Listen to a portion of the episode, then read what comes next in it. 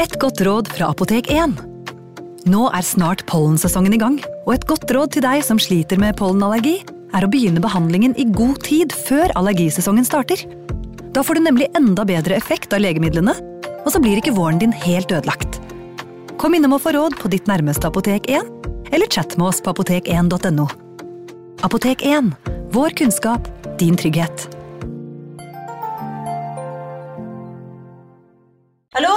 Jeg kommer fra Oslo politikammer.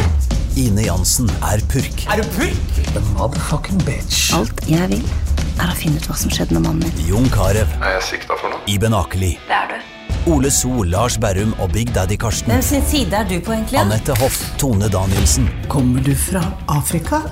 Jørnis Josef, Nesten kløfta. Trond Espen Seim, Det er synd å si det, men det var feil mann som døde. Purk. Premiere tirsdag på TV2 Play.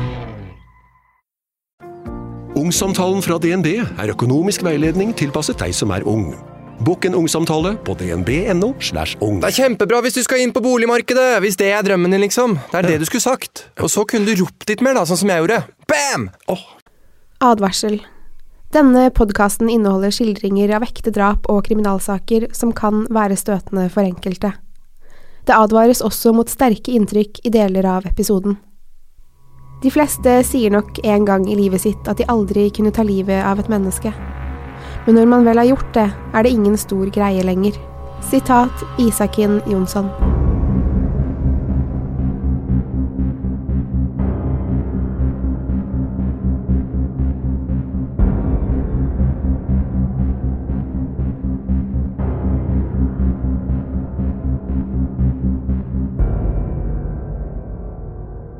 «40 år gamle Helle hadde hatt et vanskelig liv. Hun var mamma til fem, men hadde mistet omsorgen for tre av barna. Etter skilsmissen fra faren til disse tre hadde Helle slitt med store økonomiske problemer. Hun flyttet ofte og lot være å betale husleien. Hver gang huseierne oppdaget at Helle ikke betalte som avtalt, kastet de henne ut. Slik levde Helle i flere år, og hun tok etter hvert opp store lån i sine eldste sønners navn, som hun heller ikke maktet å betjene. Hun klarte ikke holde på jobber og begynte etter hvert å bo hos tilfeldige menn som hun lurte for penger. Flere beskriver henne som mytoman, altså en lystløgner. Hun løy for egen vinning, uten tanker på hvordan det kunne ramme andre. Hun hadde på dette tidspunktet flere uvenner og måtte til slutt søke hjelp på sosialen fordi hun ikke hadde penger eller et sted å bo. Helle ble etter hvert alvorlig deprimert og bestemte seg en dag for å ende livet sitt. I siste sekund ble hun heldigvis reddet og lagt inn på psykiatrisk sykehus for å behandles for depresjonen sin. På det psykiatriske sykehuset møter Helle en mann ved navnet Isakin. Han hadde flere alvorlige psykiatriske diagnoser, men Helle var svak og trengte oppmerksomheten hun fikk fra Isakin. De ansatte på det psykiatriske sykehuset legger merke til det gryende forholdet mellom Isakin og Helle. De bekymrer seg over hvor destruktivt det har potensial til å bli. Noen av pleierne forsøker å snakke med Helle om farene ved å gå inn i et forhold med Isakin, men kjærlighet gjør blind. Helle hadde nå møtt en mann som så henne. Han tok seg tid til å snakke med henne, og de forsto hverandre på en helt annen måte enn de begge hadde blitt forstått før. De trengte hverandre og begynte å drømme om en fremtid sammen. Helle og Isakin bestemte seg for at når de ble utskrevet, skulle de flytte sammen. Isakin hadde en datter fra et tidligere forhold, og Helle tenkte at de kunne bo sammen som en familie, med både hennes og hans barn. Pleierne frarådet dette på det sterkeste, siden Isakin hadde et farlig temperament som Helle enda ikke hadde sett. På tross av advarsler fra pleiere og sin egen familie, flyttet Helle og Isakin sammen etter oppholdet på det psykiatriske sykehuset. De fikk en liten kommunal leilighet og startet det nye livet sammen. Helles familie legger etter hvert merke til at hun virket deprimert igjen. Hun virker redd og har blåmerker på kroppen og i ansiktet. Helles søster spør henne om Isakin har slått henne, men Helle nekter. Isakin er bare snill, beroliger hun søsteren med. Foreldrene hennes er også bekymret, og de føler de må gjøre noe. Søsteren og foreldrene har alle møtt Isakin, og de fikk en dårlig følelse med en gang. Helles søster advarte Isakin en gang. Skader du Helle, skal du få med meg å gjøre, hadde hun sagt. Isakin hadde bare ledd av henne og sagt at han aldri kunne skade kvinnen han elsket. Likevel brekker Helle benet på tre steder, på mystisk vis. Hun forteller noen at hun snublet i et kosteskaft. Til andre sier hun at hun var klønete og falt ned trappen. Bruddet i benet er så stygt at Helle må opereres. Etter operasjonen har hun fortsatt veldig vondt og blir forskrevet en rekke sterke smertestillende medisiner. Helle blir avhengig av disse og reiser fra apotek til apotek for å få ut så mange tabletter som mulig. Isakin tar også tablettene, og de begynner å ruse seg regelmessig. Kanskje det var depresjonen Helle ville vekk fra, eller kanskje Isakins skiftende humør? Hun begynner å drikke igjen og virker ute av seg. Søsteren spør hvordan det egentlig går hjemme. Helle bryter sammen og forteller at hun er livredd for Isaken. Han er som to forskjellige personer, forteller hun. I det ene øyeblikket er han den snille mannen hun møtte på det psykiatriske sykehuset. I det andre er han rasende, voldelig og irrasjonell. Helle sier han har sluttet å ta medisinene sine. Hun er redd og vil bort fra han, men klarer ikke. Hun har ingen penger og ikke noe sted å bo. Når Helles ben er bra igjen, begynner hun så smått å bevege seg utenfor den kommunale leiligheten hun deler med Isaken. På et bibliotek oppsøker hun en kvinne en dag og spør om hun kan hjelpe henne å finne et krisesenter eller kanskje et vandrehjem hun kan gjemme seg på for en kort periode. Kvinnen på biblioteket hjelper Helle så godt hun kan. En sosialarbeider og en støttekontakt skal komme på besøk en dag i desember 2010. De ringer på døren, og Isaken slipper dem inn. Leiligheten er skitten og rotete, og det lukter innestengt. Søppel og rot flyter rundt, og det virker ikke som om Isaken bryr seg om det. Sosialarbeideren og støttekontakten spør Isaken hvordan det går, og han svarer at alt er bra. Men han virker urolig, og de spør hvor Helle er. Isaken svarer at Helle har vondt i magen og ligger og hviler på det ene soverommet. De spør om han kan vekke henne, så de får sjekket at det går bra, og Isaken går inn på soverommet. Han sier at Helle ikke orker å snakke med dem, men de insisterer. Til slutt kommer Helle ut av soverommet. Hun virker medtatt, innesluttet og ser syk ut. De vet ikke at Helle har misbrukt medisinene hun fikk for benbruddet, og spør henne om magesmertene. Støttekontakten og sosialarbeideren godtar Helles forklaring på hvorfor hun ligger og sover midt på dagen. Sterke magesmerter kunne være årsaken til at Helle ikke hadde orket å stå opp den dagen. De foreslår at hun oppsøker lege, men kan ikke tvinge henne. De ber også Isaken rydde opp litt hjemme og lufte ut leiligheten. Isaken sier at han skal begynne med det samme. Helle går tilbake til det mørke soverommet og legger seg på luftmadrassen på gulvet. Dette var siste gang noen utenforstående så Helle i live. Den 12. desember 2010 ringer en mann til politiets alarmsentral. Han forteller at de må komme, for han har drept noen. Kvinnen som tok samtalen, spør han igjen. Har du drept noen? Jeg vet ikke, svarer mannen. Jeg våknet opp, og det er en død kvinne her. Jeg vet ikke hva som har skjedd. Er du sikker på at hun er død? spør kvinnen på alarmsentralen. Ja, det er mye blod her. Kan du sjekke om hun puster? spør kvinnen. Hun kan ikke puste uten hodet, sier mannen. Politi og ambulanse rykker ut til den kommunale leiligheten. Jeg skal ikke gi dere noen problemer, sier Isaken når han vet politiet er på vei. Han forklarer så at han ikke husker hva som har skjedd, men innrømmer at han ikke har tatt medisinene sine på en stund. Kvinnen på alarmsentralen prøver så godt hun kan å holde samtalen med Isakin frem til politiet er på plass. Hun spør hvem kvinnen er.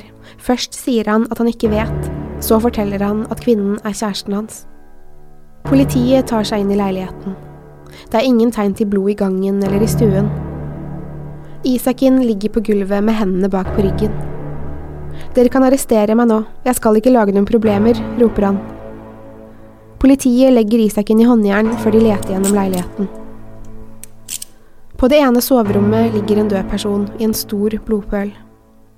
Den hvite genseren er mørkerød av alt blodet som hadde sprutet fra halsen og nakken hennes. Hodet er borte, og kroppen er naken. Hun erklæres død på stedet. Kroppen har store kutt på seg. Stykker av hud og muskler mangler. På kjøkkenet, som er separert fra stuen, står Helles hode oppstilt på kjøkkenbenken. Hun har blødd litt fra såret der hodet var skåret av. Ved siden av hodet står forskjellige krydder. På komfyren står en stekepanne med stekt kjøtt i. På benken står en tallerken og bestikk med rester av en kjøttbit. Jeg hadde egentlig ikke noe behov for å spise henne, men ville gjøre det så jeg virket psykisk syk. Da slipper man fengsel og får behandling i stedet, sier Isaken til politiet. Han arresteres og varetektsfengsles, siktet for drapet på Helle, fembarnsmammaen. Isakin hadde gått inn på rommet der Helle sov. Han hadde hatt med seg en kniv og satt seg over henne. Hun hadde rørt litt på seg, men ikke våknet. Med kniven begynte han å stikke henne, mest i halsen. Det hadde kommet så mye blod at han hadde mistet taket i kniven flere ganger. Isakin bestemte seg så for å kappe av hodet hennes. Han syntes det var vanskelig, for det var så mange sener og muskler i nakken, og forsøkte lenge å skjære gjennom nakkevirvlene uten hell. Han prøvde å brekke av hodet, men det gikk ikke. Deretter begynte han å hugge, med en øks han fant ute i gangen. Endelig var hodet løs fra kroppen. Isaken kler så av seg. Han griper kniven enda en gang og retter den mot Helles hodeløse kropp. Isakin tar tak i Helles klær og skjærer dem av henne før han kaster dem på gulvet. Så har han samleie med det som en gang var Helle Christensen. Etter at han er ferdig, tar han med seg hodet ut på kjøkkenet. Han tenkte han ville sette hodet på kjøkkenbenken for å skremme politiet men det var ikke nok. Han orket ikke være i fengsel, han ville heller avtjene straffen på et psykiatrisk sykehus. Isaken følte at han måtte gjøre noe mer, så det ikke var tvil om at han var psykisk syk. Han gikk tilbake til soverommet der liket av Helle lå. Han skar biter av låret hennes og i siden. Han måtte spise henne. Isaken fant frem en stekepanne, for han ville ikke spise rått kjøtt. Han krydret kjøttet mens han stekte det, og spiste noen biter av Helle. Det smakte ikke så ille som han trodde. Det var nesten som å spise svinekjøtt. Da han var ferdig med måltidet, bestemte han seg for å ringe politiet. Han ville jo bli oppdaget før eller senere, og tenkte det var bedre å ringe selv. Isaken bestemte seg først for å late som han ikke visste hva som hadde skjedd, så han skyldte på en blackout. Under samtalen med kvinnen på alarmsentralen ombestemte han seg. Han var spent på reaksjonen til politiet når de skulle få se Helles hode på kjøkkenet. Før han ble satt i politibilen, spurte han om når han fikk komme tilbake til leiligheten. Det blir nok en stund til, hadde den ene politimannen svart. I politibilen hadde Isaken snakket usammenhengende og flere ganger spurt hva som hadde skjedd med Helle. Han sa også at han var lei seg for at hun var død. Isaken ble lagt inn på psykiatrisk sykehus under varetektsfengslingen. Han ble utredet, og det ble konkludert med at han var i stand til å møte i rettssaken. Det som skjedde den 12. desember 2010 forferdet hele nasjonen, ikke bare Skara i Sverige. Det stemmer på en måte det som Isaken tenkte. Er man alvorlig psykisk syk, blir man i de fleste tilfeller dømt til en forvaringsdom istedenfor fengsel. Tankegangen til Isakin er likevel surrealistisk og unormal. Siden han allerede hadde flere psykiatriske diagnoser, sett i sammenheng med det han gjorde mot Helle, hadde han nok aldri blitt vurdert som frisk nok til å sone i fengsel uansett. Det å uprovosert drepe et menneske, men også at han kom på ideen av å spise den døde kroppen til kjæresten sin for å slippe fengsel, er tegn på psykiatrisk sykdom og ikke en utspekulert eller smart måte å komme seg unna fengsel på. Isakin Jonsson ble dømt til forvaring på Karsuden mentalsykehus på Katrineholm utenfor Stockholm. Karsuden er en anstalt som utelukkende driver med rettspsykiatrisk behandling. Karsuden har 11 avdelinger og 114 plasser. Sykehuset har strengest bevoktning i hele Sverige, med flere lukkede avdelinger over tre forskjellige områder. Det er her de verste kriminelle kommer, og flere kjente drapsmenn og -kvinner soner dommene sine på Karsuten.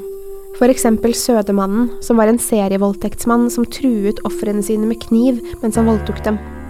Han var aktiv på 70- og 80-tallet, først i Haga-området i Göteborg, og deretter i bydelen Södermalm i Stockholm. Trippelmorderen Matja Sovdat satt også på Karsuden, det samme gjorde også spiondømte Stig Bergling. Den kanskje mest kjente er Christer Petterson, mannen som lenge var, og for noen fortsatt er, mistenkt for drapet på Sveriges statsminister Olof Palme. Christer Petterson satt riktignok inne for drap og andre kriminelle forhold enn drapet på Olof Palme, som fortsatt er uløst. Politiet fikk en underlig telefon. En mann ringte og fortalte at han hadde drept kjæresten sin med kniv. Som politiet vanligvis gjør, rykker de ut til adressen med store styrker. Er man politi, blir man mer eller mindre vant til å se døde mennesker utsatt for både ulykker og grove voldshandlinger. Det politiet ikke visste da de kom til åstedet, var at Isaken Jonsson hadde spist rester av Helle Christensen, sin 40 år gamle kjæreste og mamma til fem barn. De som rykket ut den dagen, glemmer aldri det de så. Selv om de fikk tilbud om psykologisk behandling i ettertid, er det flere av dem som sliter med hendelsene som fant sted. Helles familie er fortsatt i sjokk over det som skjedde. Etter Helle Christensens død dukket dagboken hennes opp. Helles søster hadde lenge prøvd å snakke med henne om blåmerkene hun hadde overalt på kroppen, men Helle bare lo det bort og avfeide at hun ble slått av Isaken. Da Helle brakk benet på tre steder, sa hun at hun hadde snublet og falt. Helles dagbok sa noe annet. I den skrev hun fortvilet om hvor redd hun var for samboeren. Isakin var ofte i dårlig humør. Han forandret personlighet helt plutselig og kunne bli veldig aggressiv helt uten forvarsel. Helle skrev også at hun ikke turte å fortelle familien sin om hvordan han egentlig var pga. Isakins gjentatte trusler. Han slo og sparket henne, mobbet henne og sa at hun ikke var noen ting uten han. Hun hadde blitt banket opp flere ganger, og det var han som hadde brukket benet hennes i et av sine mange raseriutbrudd. Helle hadde ved flere anledninger ringt søsteren og spurt om hun kunne komme og hente henne fordi Isaken var sint eller voldelig. Dessverre gikk hun alltid tilbake til ham, og søsteren følte at hun ikke kunne gjøre noe annet enn å se på. Men hun skulle så gjerne ha visst hvordan det egentlig var. Kort tid før drapet hadde Helle som nevnt tidligere kontaktet en kvinne på det lokale biblioteket og spurt om det fantes et vandrehjem eller et krisesenter i nærheten som hun kunne gjemme seg på. Kvinnen hadde lovet å hjelpe henne, men Helle skrev at hun ikke visste om kvinnen forsto alvoret. Likevel følte Helle seg nødt til å be kvinnen om å love å ikke kontakte politiet. Det gjorde hun aldri, og man kan spørre seg om det kanskje hadde reddet Helle eller ikke. Jeg klarer det fordi jeg elsker han, var noe av det siste Helle skrev før hun døde. Denne saken er på ingen måte unik, med unntak av kannibalismen. Det er så altfor mange som lever i en annens vold, om det er foreldre, samboere eller andre nære. Det er så trist, særlig når noe så tragisk som Helles skjebne hender. Kunne dette drapet vært unngått? Det er nemlig ekstra trist å vite at kannibalen Isaken Jonsson kontaktet psykologen sin gjentatte ganger før drapet. Han følte at noe var galt med han, og han ønsket å få time for behandling. Isaken fikk faktisk time hos psykologen, men det var den 30. desember, 18 dager etter at han drepte og spiste av kroppen til Helle. Det finnes 47 krisesentre over hele Norge, og de som jobber der har spisskompetanse innen samtaler og hjelp for voldsutsatte. Alle krisesentre har forskjellige sikkerhetstiltak for å gjøre krisesentrene sikre for de som bor der. I 2016 hadde norske krisesentre 1844 kvinner og menn som bodde der, fordi de var utsatt for fysisk og eller psykisk vold eller trusler i nære relasjoner. Om du eller noen du kjenner lever i et kontrollerende eller voldelig forhold, snakk med noen. Det er mulig å komme seg bort, selv om det er vanskelig. Selv om personen kanskje ikke mente å gjøre det den gjorde mot deg. Det finnes hjelp hos politi, fastlege, krisesenter, venner eller familie. Ingen skal behøve å være redde i sitt eget hjem. I neste episode kommer jeg til å fortelle mer om Isaken Jonssons bakgrunn, hans behandling på Karsjuden og hvordan han lever i dag. Jeg kommer også til å fortelle om hans nye kjæreste, vampyrkvinnen Michelle Gustavsson, som skar strupen av en familiefar. Har du innspill eller reaksjoner på denne episoden, send oss mail på post at truecrimenorge.no, eller kontakt oss på vår Facebook-side. Til neste gang, takk for at du har hørt på True Crime Podden.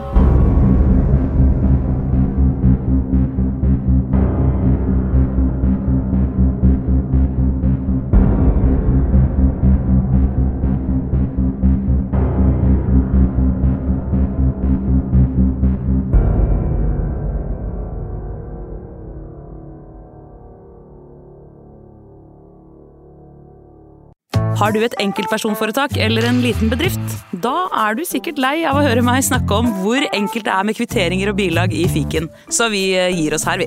Fordi vi liker enkelt. Fiken superenkelt regnskap.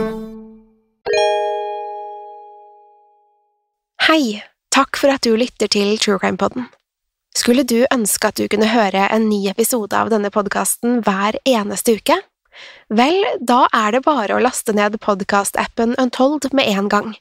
I tillegg til ukentlige episoder av podkaster som Skrekkpodden, Synderne og Henrettelsespodden, får du masse annet reklamefritt og eksklusivt innhold. Last ned Untold i AppStore eller Google Play, og start din 30 dagers prøveperiode i dag. Untold